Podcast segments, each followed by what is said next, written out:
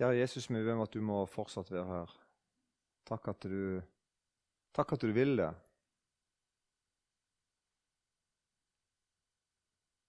Amen. Ja, eh, vi har hatt noen dager nå om nådegavene, litt sånn konkret. Og i går hadde vi litt om sykdom og, og litt ja, Bibelen sitt syn på sykdom, og derfor òg litt om helbredelse, hvor vi skal tenke om sykdom. Eh, og så eh, Jeg opplever at vi bare skal gå videre nå. Det er ikke sikkert dere, dere kan være dere det som et vaskebrett eller som en hump, men eh, jeg tenker at nå bare går vi videre. For, eh, for da, det jeg da vil stoppe litt med Jeg vil ha et viktig perspektiv som dere ser jeg har skrevet. Eller et, er det ikke et narrativ? Ikke et vanlig ord som er veldig pop å bruke. Et narrativ. Altså at vi har på en måte, Alle har med et narrativ. ikke sant? Vi er på en måte vår fortelling eller, eller, vår opplevelse eller forståelse av en ting. Så når, når, jeg sier noen ord, så putter du det inn i din, uh, i din lille verden. ikke sant? Uh, eller store verden for de som er der. Jeg er en ganske liten verden for min del. Det er litt med hvor jeg kommer ifra. Men, men, uh, men det, og dette er veldig viktig. Og det, det, jeg mener, altså, det, det, måte, det, blir en del av mitt narrativ. Eller, jeg leser noen vers, og så bare, bare dytter de langt vekk. De gjelder ikke meg, liksom. Men de er fine, og jeg tror ikke de er, jeg tror ikke de er noe galt med dem, men liksom, de gjelder ikke meg, iallfall ikke akkurat nå.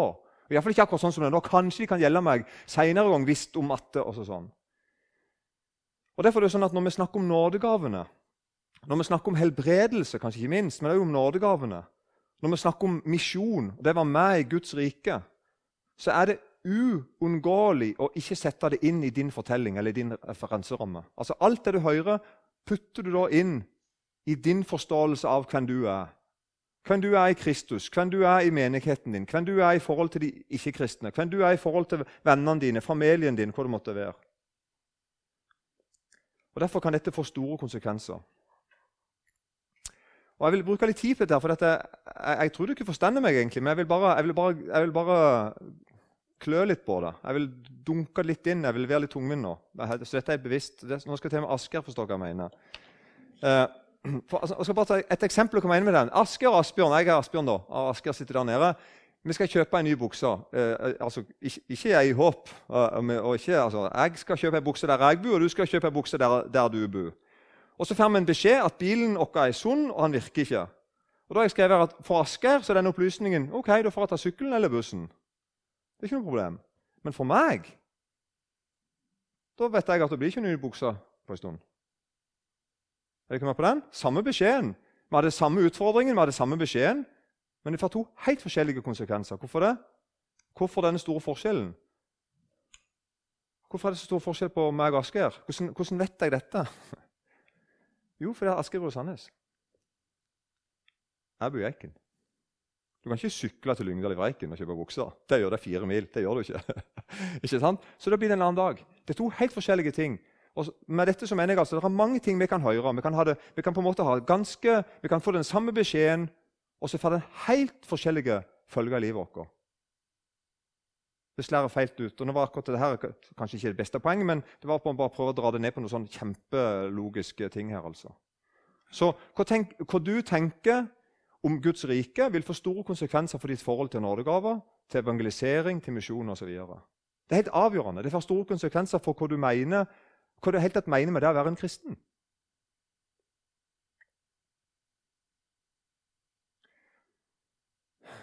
Herre Jesus, velsigna ja, Vær med meg nå, Jesus, og gjør det her uh, forståelig og greit, Jesus.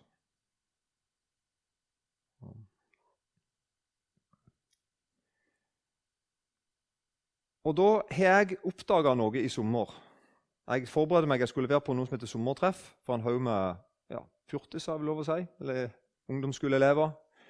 14 til 16, 13 til, 13 til 17, der omkring. Og da lagde jeg en fortelling til deg, og så sa jeg at hvis du spør hvem som helst, altså, hvis du spør en vanlig nordmann hvem som helst om hva er det de kristne tror hvis du spør en vanlig nordmann En vanlig nordmann er jo ikke kristen. Ikke sant? Og Så spør du han eller hun hva tror du, hva er det de kristne tror på. Da tipper de fleste vil si noe sånt som den. Jo, jeg tror at eh, det de kristne tror på, er at uh, Gud skapte jorda og sånn sett universet og sånn òg. Og så skapte han da folkene. Det tror de kristne. Og så tror de kristne at de lever noen år, og det tror for så vidt de fleste. Og så på et eller annet tidspunkt så slutter livet her. Litt forskjellig hvor lenge det livet er. ikke sant? Og da tror de kristne at noen kommer til himmelen, og noen går til helvete. Og så blir det på en måte kristendom. Egentlig. Og så har jeg skrevet her at det er sånn folk flest tror at Jesus sine venner tror. Det er tungen sagt. Altså. Det er sånn folk flest i Norge tror, og generelt i, i land der kristendom er litt kjent, da, så, er det, så er det det de fleste ville si. at Det er, det er omtrent sånn de kristne tror. Og så har jeg lagt til en liten uh, linje her og som kanskje noen av Jesus sine venner tror sjøl òg. For kanskje du sitter her og tenker ja, er det noe galt med den tegningen òg nå? Uh, det kan vel noen tenke det. Bare ha den tanken for deg sjøl litt. For uh, ja, det er noe galt med den tegningen. Og da, og da skal jeg pirke litt borti dere om dette. Det er ikke for å være morsom eller festlig eller spesiell, men for, det for meg er det sånn helt før og etterpå at jeg så dette. Helt sånn et før og etterpå. Noen av dere har sikkert sett dette for mange år siden og lest det i en bok eller funnet det ut helt sjøl. Det er altså noe, Dette stemmer ikke med Bibelen, den tegningen. Og med det så mener jeg ikke at det, alt på denne tegningen er med i fortellingen. Så det er ikke det jeg sier. at det, det er ingenting her på en måte, Alt dette er med i fortellingen. Alt dette finner du i Bibelen og er sånn hver for seg sannheter. Så det er ikke det jeg mener at det ikke stemmer med Bibelen. Men det er mer måten vi forteller den på, eller måten folk hører eller forstender denne fortellingen på. Hvordan forteller Bibelen dette sjøl? Og det er her det er det har vært sånn, helt sånn wow for meg å lese Nytestamentet om igjen nå i sommer. Og særlig Markusevangeliet. Er den her på? Det er fint? Ja, flott. Um, og da, Hvordan forteller Bibelen dette sjøl, altså hvor kristendom er? Det er jo den vi helst bør gå til. Hvis du går gjenger til Det nye testamentet, så er det jo da særlig Matteus, Markus, Lukas og Johannes som forteller om de, om de første Jesus sine år. ikke sant? Og, og, og det at han døde for oss og, og, og sto opp igjen for de døde. Og Så kommer apostlenes gjerninger etterpå og, og sier hvordan det gikk etter, etter, etter, den gang igjen. Hvis vi stopper litt som sagt, med Markus' evangeliet, og så ser vi hvordan er det Markus begynner. Altså Kapittel 1, vers 1. Hvordan er, det, det Markus når han skal fortelle dette? Og forresten, Markus han på en spesiell måte henvender seg til hedninger, altså folk som ikke er jøder. Så dette passer veldig godt på folk fra Eiken og Lura og området rundt der. Vi er skikkelig hedninger. Sant? Vi har ikke noe, du kan være på den? Det, det, det er særlige, Markus på en spesiell måte forteller det til hedninger, som man ikke forventer vet så mye bakenforliggende. De er som ikke er fulle av det. Forresten, Da er kanskje ikke vi hedninger lenger likevel. vi som sitter her inne. Men poenget mitt er at han sier sånn Begynnelsen til Jesu Kristi, Guds sønns evangelium. Sånn sier han. Og da, Hvordan er begynnelsen? Jo, når, altså, når han da skal fortelle om begynnelsen, så sier han sånn Som det står skrevet i profetene. Jeg sender min budbærer foran deg, han skal rydde din vei. Det er en røst av en som roper i ørkenen, rydd Herrens vei og gjør hans stier rette. Så det er helt, helt åpenbart at det, når Det nye testamentet begynner det nye testamentet det begynner en fortelling som allerede har begynt. Det er veldig viktig for Markus å se med en gang. At når han vil fortelle om Jesus, så er det ikke det på en måte, det er, en, det er på en måte ikke en ny fortelling. Det er noe veldig nytt med fortellingen, men han, noen, han, han kommer fra en plass. Noe har skjedd i forkant. Det nye kommer fra det gamle. Og så viser da, Markus begynner med en gang å vise til Det gamle testamentet. Og Det er faktisk den eneste plassen Markus viser til Det gamle testamentet. det er her i begynnelsen. Når, når Markus skal fortelle begynnelsen på Jesu Guds sønns evangelium, så begynner han med å vise til Det gamle testamentet og sier vi må se til profetene, til Det gamle testamentet. Og Derfor er det sånn at alt det du leser i Det gamle testamentet, er med i historien om Jesus Kristus, Guds sønns evangelium. Alt fra skapelse til utvelgelsen av Israel med Abraham som stamfar, eller til fangenskap i Egypt, eller Moses, og, og når han fikk de ti bud, og resten av, av budene, og ikke minst tegningene til tempelet og forskriftene hvordan de skulle gå fram når de, når de eh, møtte Gud i tempelet. Med andre ord Det nye testamentet fortsetter, sier Markus. Det er ikke en begynnelse, egentlig.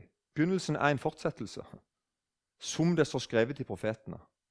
Og så kan du spørre da, ja, er ikke dette ganske kompliserte greier. liksom, og her er jo, I min bibel så er det jo da 1500 sider ca. Masse å sette inn i. Ja, på en måte så kan vi si jo, det er, det er en ganske avansert historie hvis du skal gå skikkelig i dybden. Det er nok å holde på med hvis du vil eh, lese deg opp.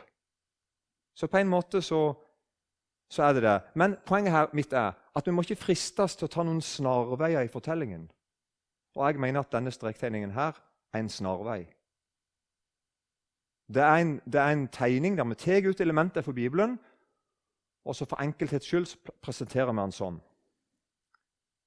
Men det vi må gjøre er at vi må gjenoppdage Bibelen sin historie. Vi må, om Jesus som kommer som en fortsettelse av historien. Både Israels historie og hele verdenshistorien. Og, som, og Vi må se på Jesus som en oppfyllelse av eldgamle profetier om Messias som skulle frelse menneskene. Sånn må vi forstå Jesus Kristus når vi møter ham. Han kommer ikke ut av ingenting. Han kom fra en helt konkret plass. Hvordan var det da Jesus sjøl forkynte?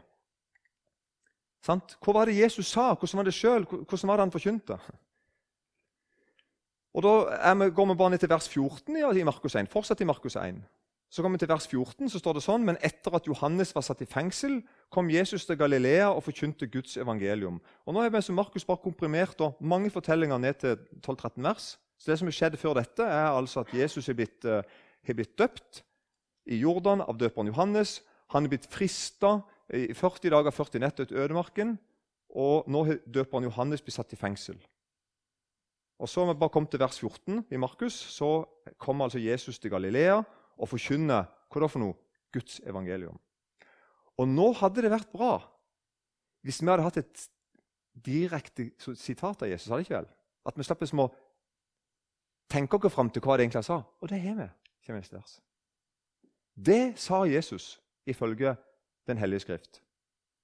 Det var Jesus Kristus sin forkynnelse. Han sa tidens mål er fullt, og Guds rike er kommet nær. Omvend dere og tro på evangeliet. Er det en Ja. Eh, det, det, er noe sjokkerende for meg å lese dette her når, når jeg leste dette i sommer igjen. Jeg vet ikke om du er enig i det? Var det det han sa?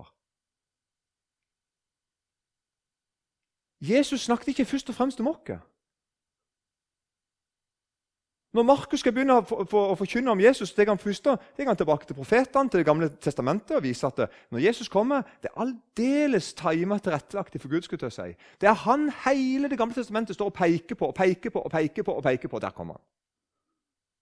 Og når han kommer, hva er det han forkynner? Jo, først og fremst å forkynne ikke Jesus Kristus om meg og deg. For å si det sånn, Jesus forteller ikke først og fremst om at du skal et sted. Sånn som den tegningen er bare opptatt av. Nei, Jesus forteller først og fremst om at Gud kom et sted, nemlig til deg. Og For meg er dette her dette, altså, jeg, når jeg var liten, så lærte jeg at forskjellen på kristendom, gudstro, bibelsk gudstro og alle andre religioner er at alle andre religioner da er det snakk om min vei til Gud. Det er Ikke sant? Du har lært Det Det er som menneskets vei til Gud. Men kristendom det er Guds vei til mennesket. Er du ikke enig i det? At det er det, det vi har lært? Ja, der. Vi har, altså, vestlige kristne vi har begynt å tegne en fortelling som ligner på de andre religionene. Det handler egentlig om min vei til Gud. Det handler egentlig om meg og oss. Og min tro eller min mangel på tro eller min ditt eller datt. Mens Jesus han snudde helt på hodet. Det var sjokkerende når Jesus sa dette da. og det er egentlig sjokkerende. Jeg er blitt helt sjokkert. Jeg er blitt omvendt på dette området. Så det, så det sang altså nå i sommer.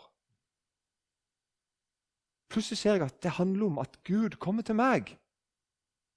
Det handler om altså at Jesus sier tidens mål er fullt, og Guds rike er kommet nær. Det er beskjeden liksom til Gud. Det er forkynnelsen til Jesus Kristus når han skal forkynne Guds evangelium.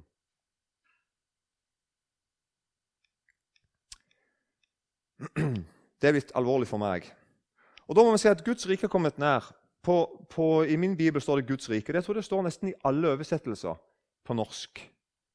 Jeg er ikke helt sikker på en 2011. Kanskje den er noe annet. For det, egentlig er det Guds kongerike. 'Kingdom of God', sier vi på engelsk. ikke sant? Det er Guds kongerike. Altså, Jesus sier egentlig det at nå har Gud kommet ned her med sitt kongerike, og jeg er kongen. jeg, nå har jeg kommet. Med andre ord så handler evangeliet først og fremst om noe Gud gjør, og han gjør det her. Det er han som kommer til oss, og han gjør det her. Han begynner her. Og Dette er de gode nyhetene som vi, vi kaller, altså det er det samme som evangeliet. Evangeliet betyr godt nytt eller de gode nyhetene. De gode nyhetene ifølge Jesus er nå er tida full, og nå er jeg her. Så denne fortellingen her, den strektegningen her, er egentlig opptatt av meg og mitt liv. Den handler forsvinnende litt om Gud ofte, mens Bibelens historie først og fremst handler om Gud som kommer til oss. Jesus er kongen som skal regjere her hos oss. Og denne kongen skal ta seg av alle problemene som han sjøl ser at er der. Og Den setningen jeg kom på helt selv, er litt fornøyd med han, Litt tungvint, men med det så mener jeg, den andre setningen så mener jeg at det, vi skal til og med slippe å definere hva han skal fikse. Er du med på den? For Jeg klarer ikke det engang. Jeg klarer ikke helt å fortelle til Jesus hva han bør fikse, hvordan han bør fikse det. Og, altså, jeg, han sa ikke han Jeg skal ta meg av alt. Jeg skal komme, og så skal jeg sette alt i rette stand. Og så sier vi bare med sånn you fix. på en måte. Altså, du, du, får gjøre det du er. Det, altså, ja. Du er konge. Du er herre. Takk for at du kom. Vil du være kongen min? Dette er altså de gode nyhetene. Guds kongerike, eller Kingdom of God, eller som også blir kalt i Bibelen for himlenes rike. Døperen Johannes sin forkynnelse, heldigvis helt lik Jesus sin. I Matteus 3 og vers 1 og utover der, i de dager sto døperen Johannes fram og forkynte i Judeas ørken. Han sa, 'Omvend dere, for himlenes rike er kommet nær.' Akkurat det samme budskapet det er ham det er talt om av profeten Jesaja. Han òg viser til, til, gamle, til, den gamle tida på en måte, og sier at nå er han her. Han dykker i lesom. Han, han som er i den eldgamle av dager, skulle jeg si. Nå er han her. Rydd Herrens vei, gjør hans stier rette. Så Guds rike, eller himlenes rike, da, er ikke et sted vi går til, men det er noe som kommer til oss. Jesus Kristus kommer med sitt rike til deg. Er ikke du ikke enig at det er en ganske revolusjonerende mot, motsats til at jeg skal komme til han? Han kom til meg. Fantastisk. Og så hopper vi, vi hopper ikke, men bare vi zoomer inn på én ting. da. Jeg vil si noe om evangeliet, møtesteder. Altså Fortsatt er evangeliet gode nyheter. Og mange, så Her kommer det nye, fine tegninger som er tegna av, av, av, meg. faktisk. Fornøyd med dem. Eh, mange tenker omtrent sånn som jeg nå skal vise, om himmelen og jorda, altså hvor Gud er og hvor vi er, så tenker jeg at de, mange tenker sånn at himmelen det er jo ikke en runding, da. Det, men altså ja, Himmelen er en eller annen plass, og han er avgrensa fra meg. Jeg er ikke i himmelen. Sant? Så himmelen er en eller annen plass. Så vi kan tegne det som en runding, da, selv om jeg tror ikke han er rund. Jorda den er ganske rund. Så tenker vi sånn at Himmelen og jorda det er to forskjellige ting. Og de er atskilt. Og vi tenker også at Det er ikke bare atskilt i kilometer. Eller, det, er ikke, det, er ikke, den type avstand mellom dem.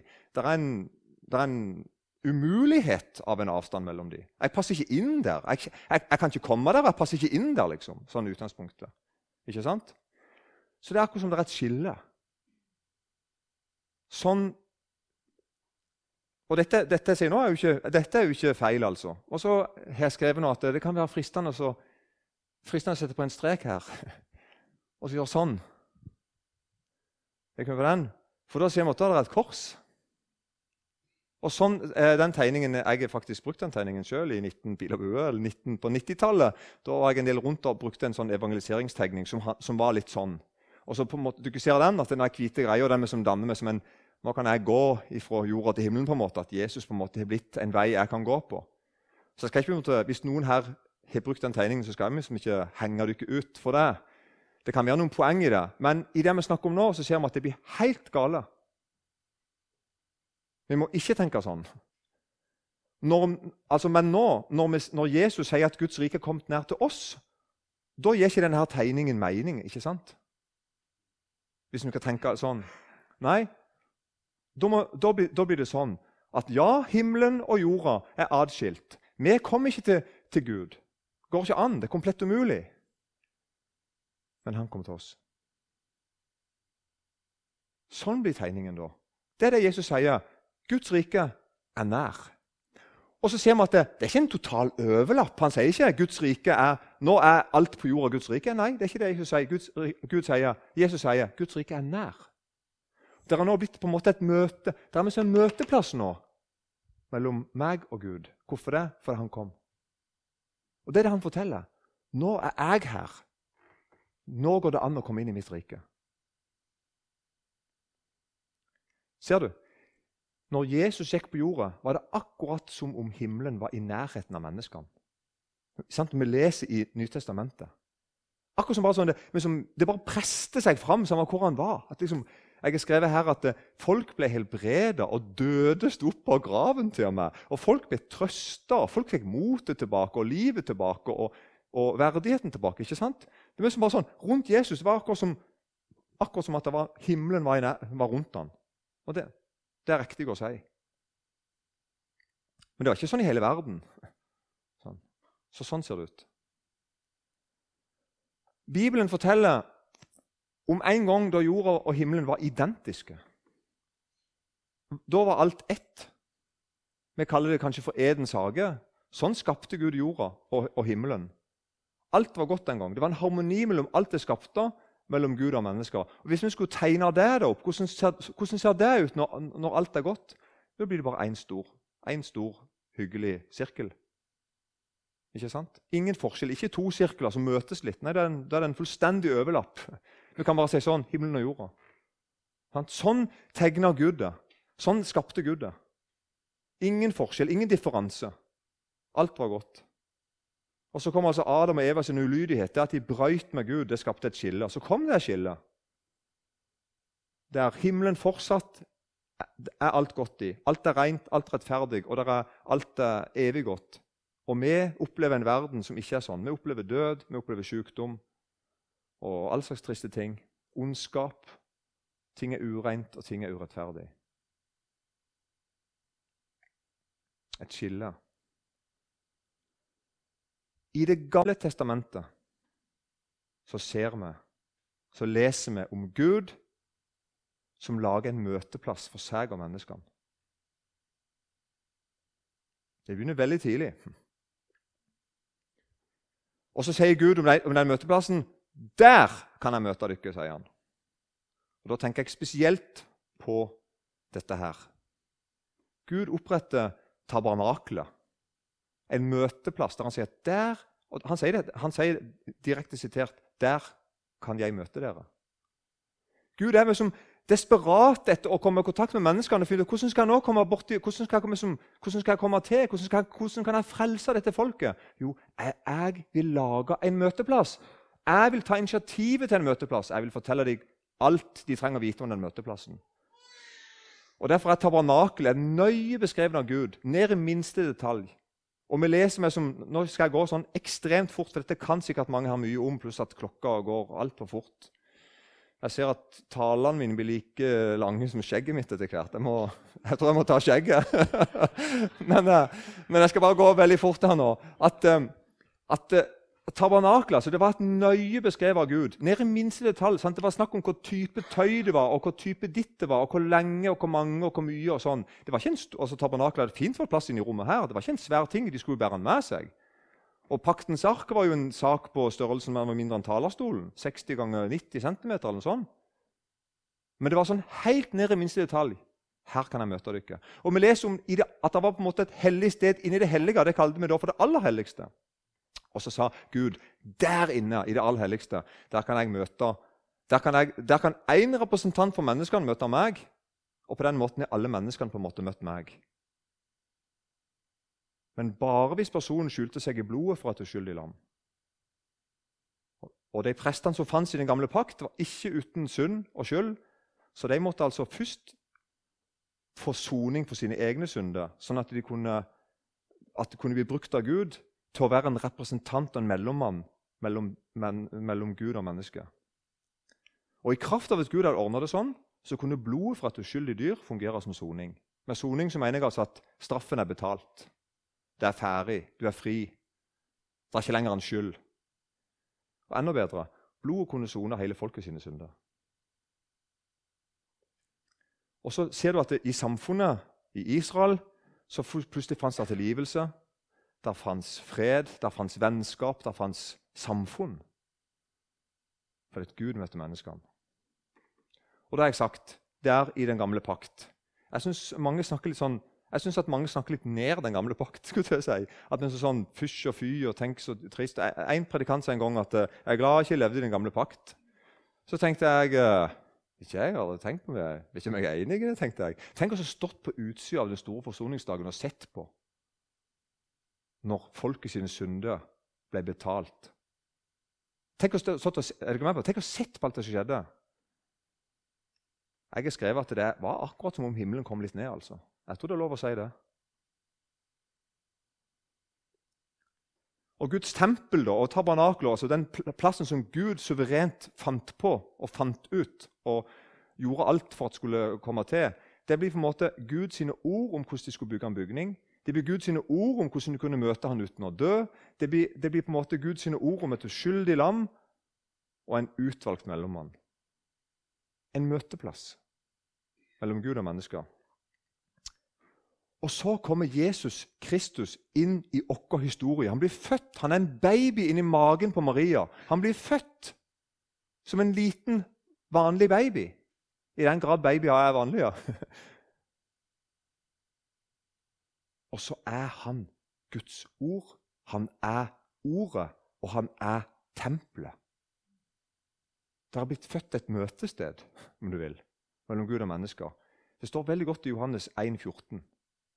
Og Ordet, som da altså er egentlig strengt tatt er Jesus Kristus, og ordet ble kjød og tok bolig iblant oss.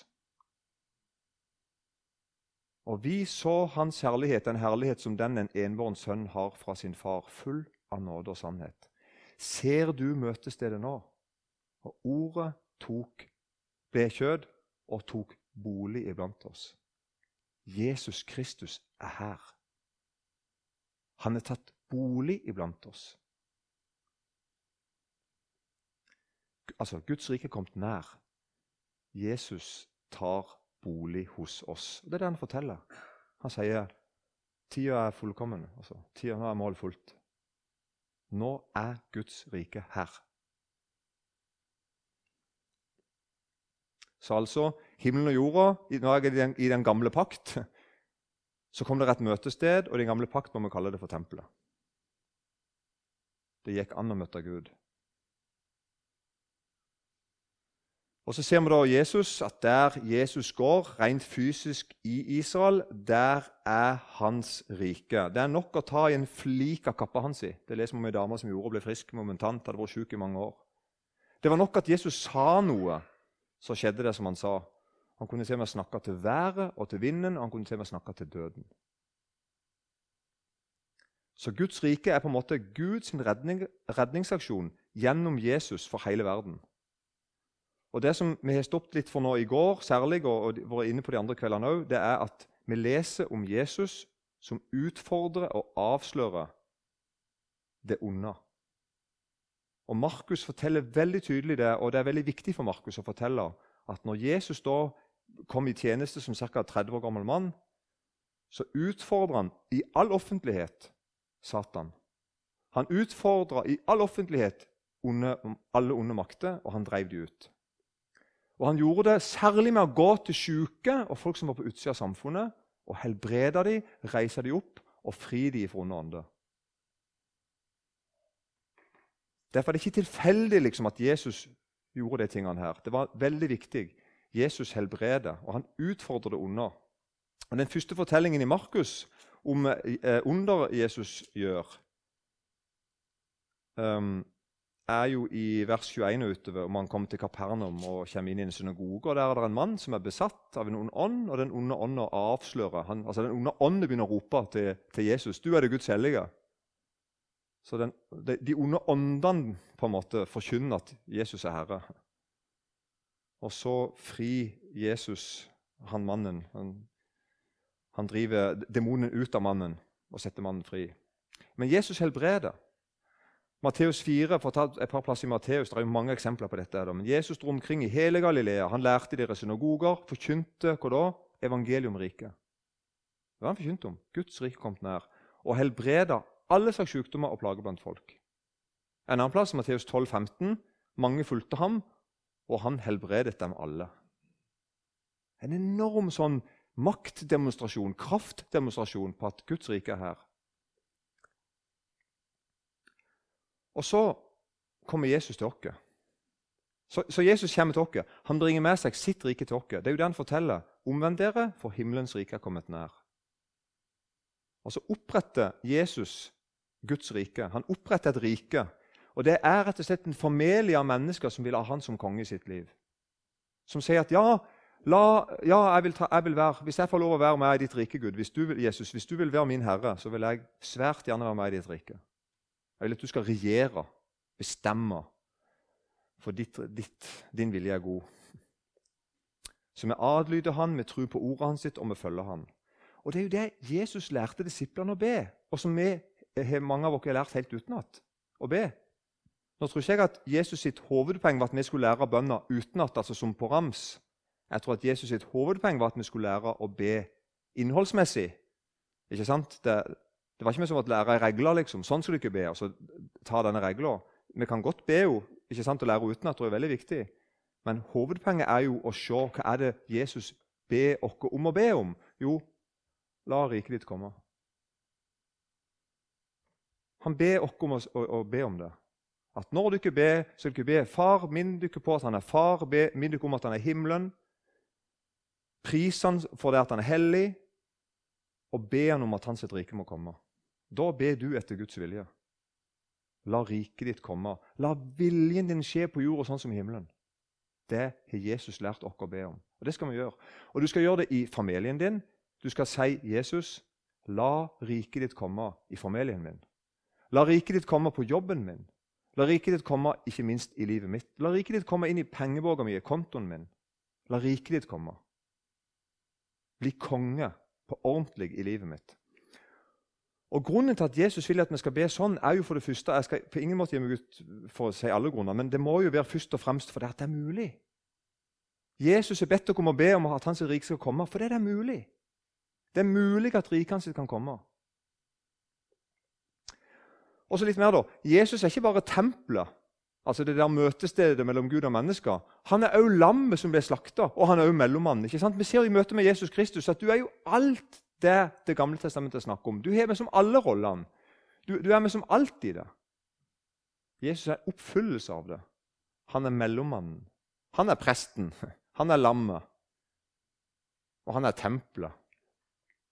Døperen Johannes han forstender dette etter hvert og sier dagen etter eh, ser han Jesus komme til seg og sier «Se, der er Guds lam som bærer bort verdens synd. Jesus er også syndebukken, den som ble jaga ut i ødemarken for å dø med folkets synder. Er dere med på den? Jesus er alt. Og Derfor, når Markus skal fortelle om Guds evangelium, så må han si det der som skjedde før. Nå er det her i full blomst, altså med full tyngde. Nå er det oppfylt. Nå er Jesus Kristus her. Så himmel og jord møtes i Kristus. Himmel og jord møtes i Kristus uten at noen andre enn han sjøl dør. Guds rike er nær meg og deg. Og Poenget mitt med å si dette her nå i kveld er først og fremst at jeg ville si det, men, men også altså at det, sånn må vi forstå alt det vi snakker om. Det var meg Guds rike, det var meg dette her. Altså. Det, det, er et rike som kommer til meg. Det er jeg som blir meg rike. Det er strengt tatt ikke vi som bygger Guds rike. Det, det gjør han suverent sjøl. Og han kommer til dere og bare tilbyr dere. Vil du være med i mitt rike der jeg er konge? Så er anledningen der nå, for nå er jeg her. Liksom, det, det, er den veien vi må tenke. Kjære Jesus, jeg ber om at du må velsigne det jeg har sagt for navnet ditt skyld og for riket ditt skyld. Og takk at du kom. Og takk at det er du som kommer til oss. Vi skal slippe å komme til deg på den måten og finne fram. Men du kommer til oss suverent. Takk at vi kan være hos deg, følge deg, ære deg, elske deg, tjene deg. Takk at du vil gi oss alt det vi trenger for å være borgere i ditt rike. Takk for Markus og Lukas og Johannes, og takk for, takk for Det gamle testamentet. Takk for tabernaklet. Takk for Moses. Takk, Jesus, for alt vi har i Bibelen. Takk at vi kan lese og forstå. Takk at du er her. Takk for Den hellige ånd. Så jeg ber deg om at vi må lukke opp øynene våre, at vi ser hvor rike vi er. At vi ser hvor rike vi hører til. At vi forstår hva det her går i. Du er her. Amen.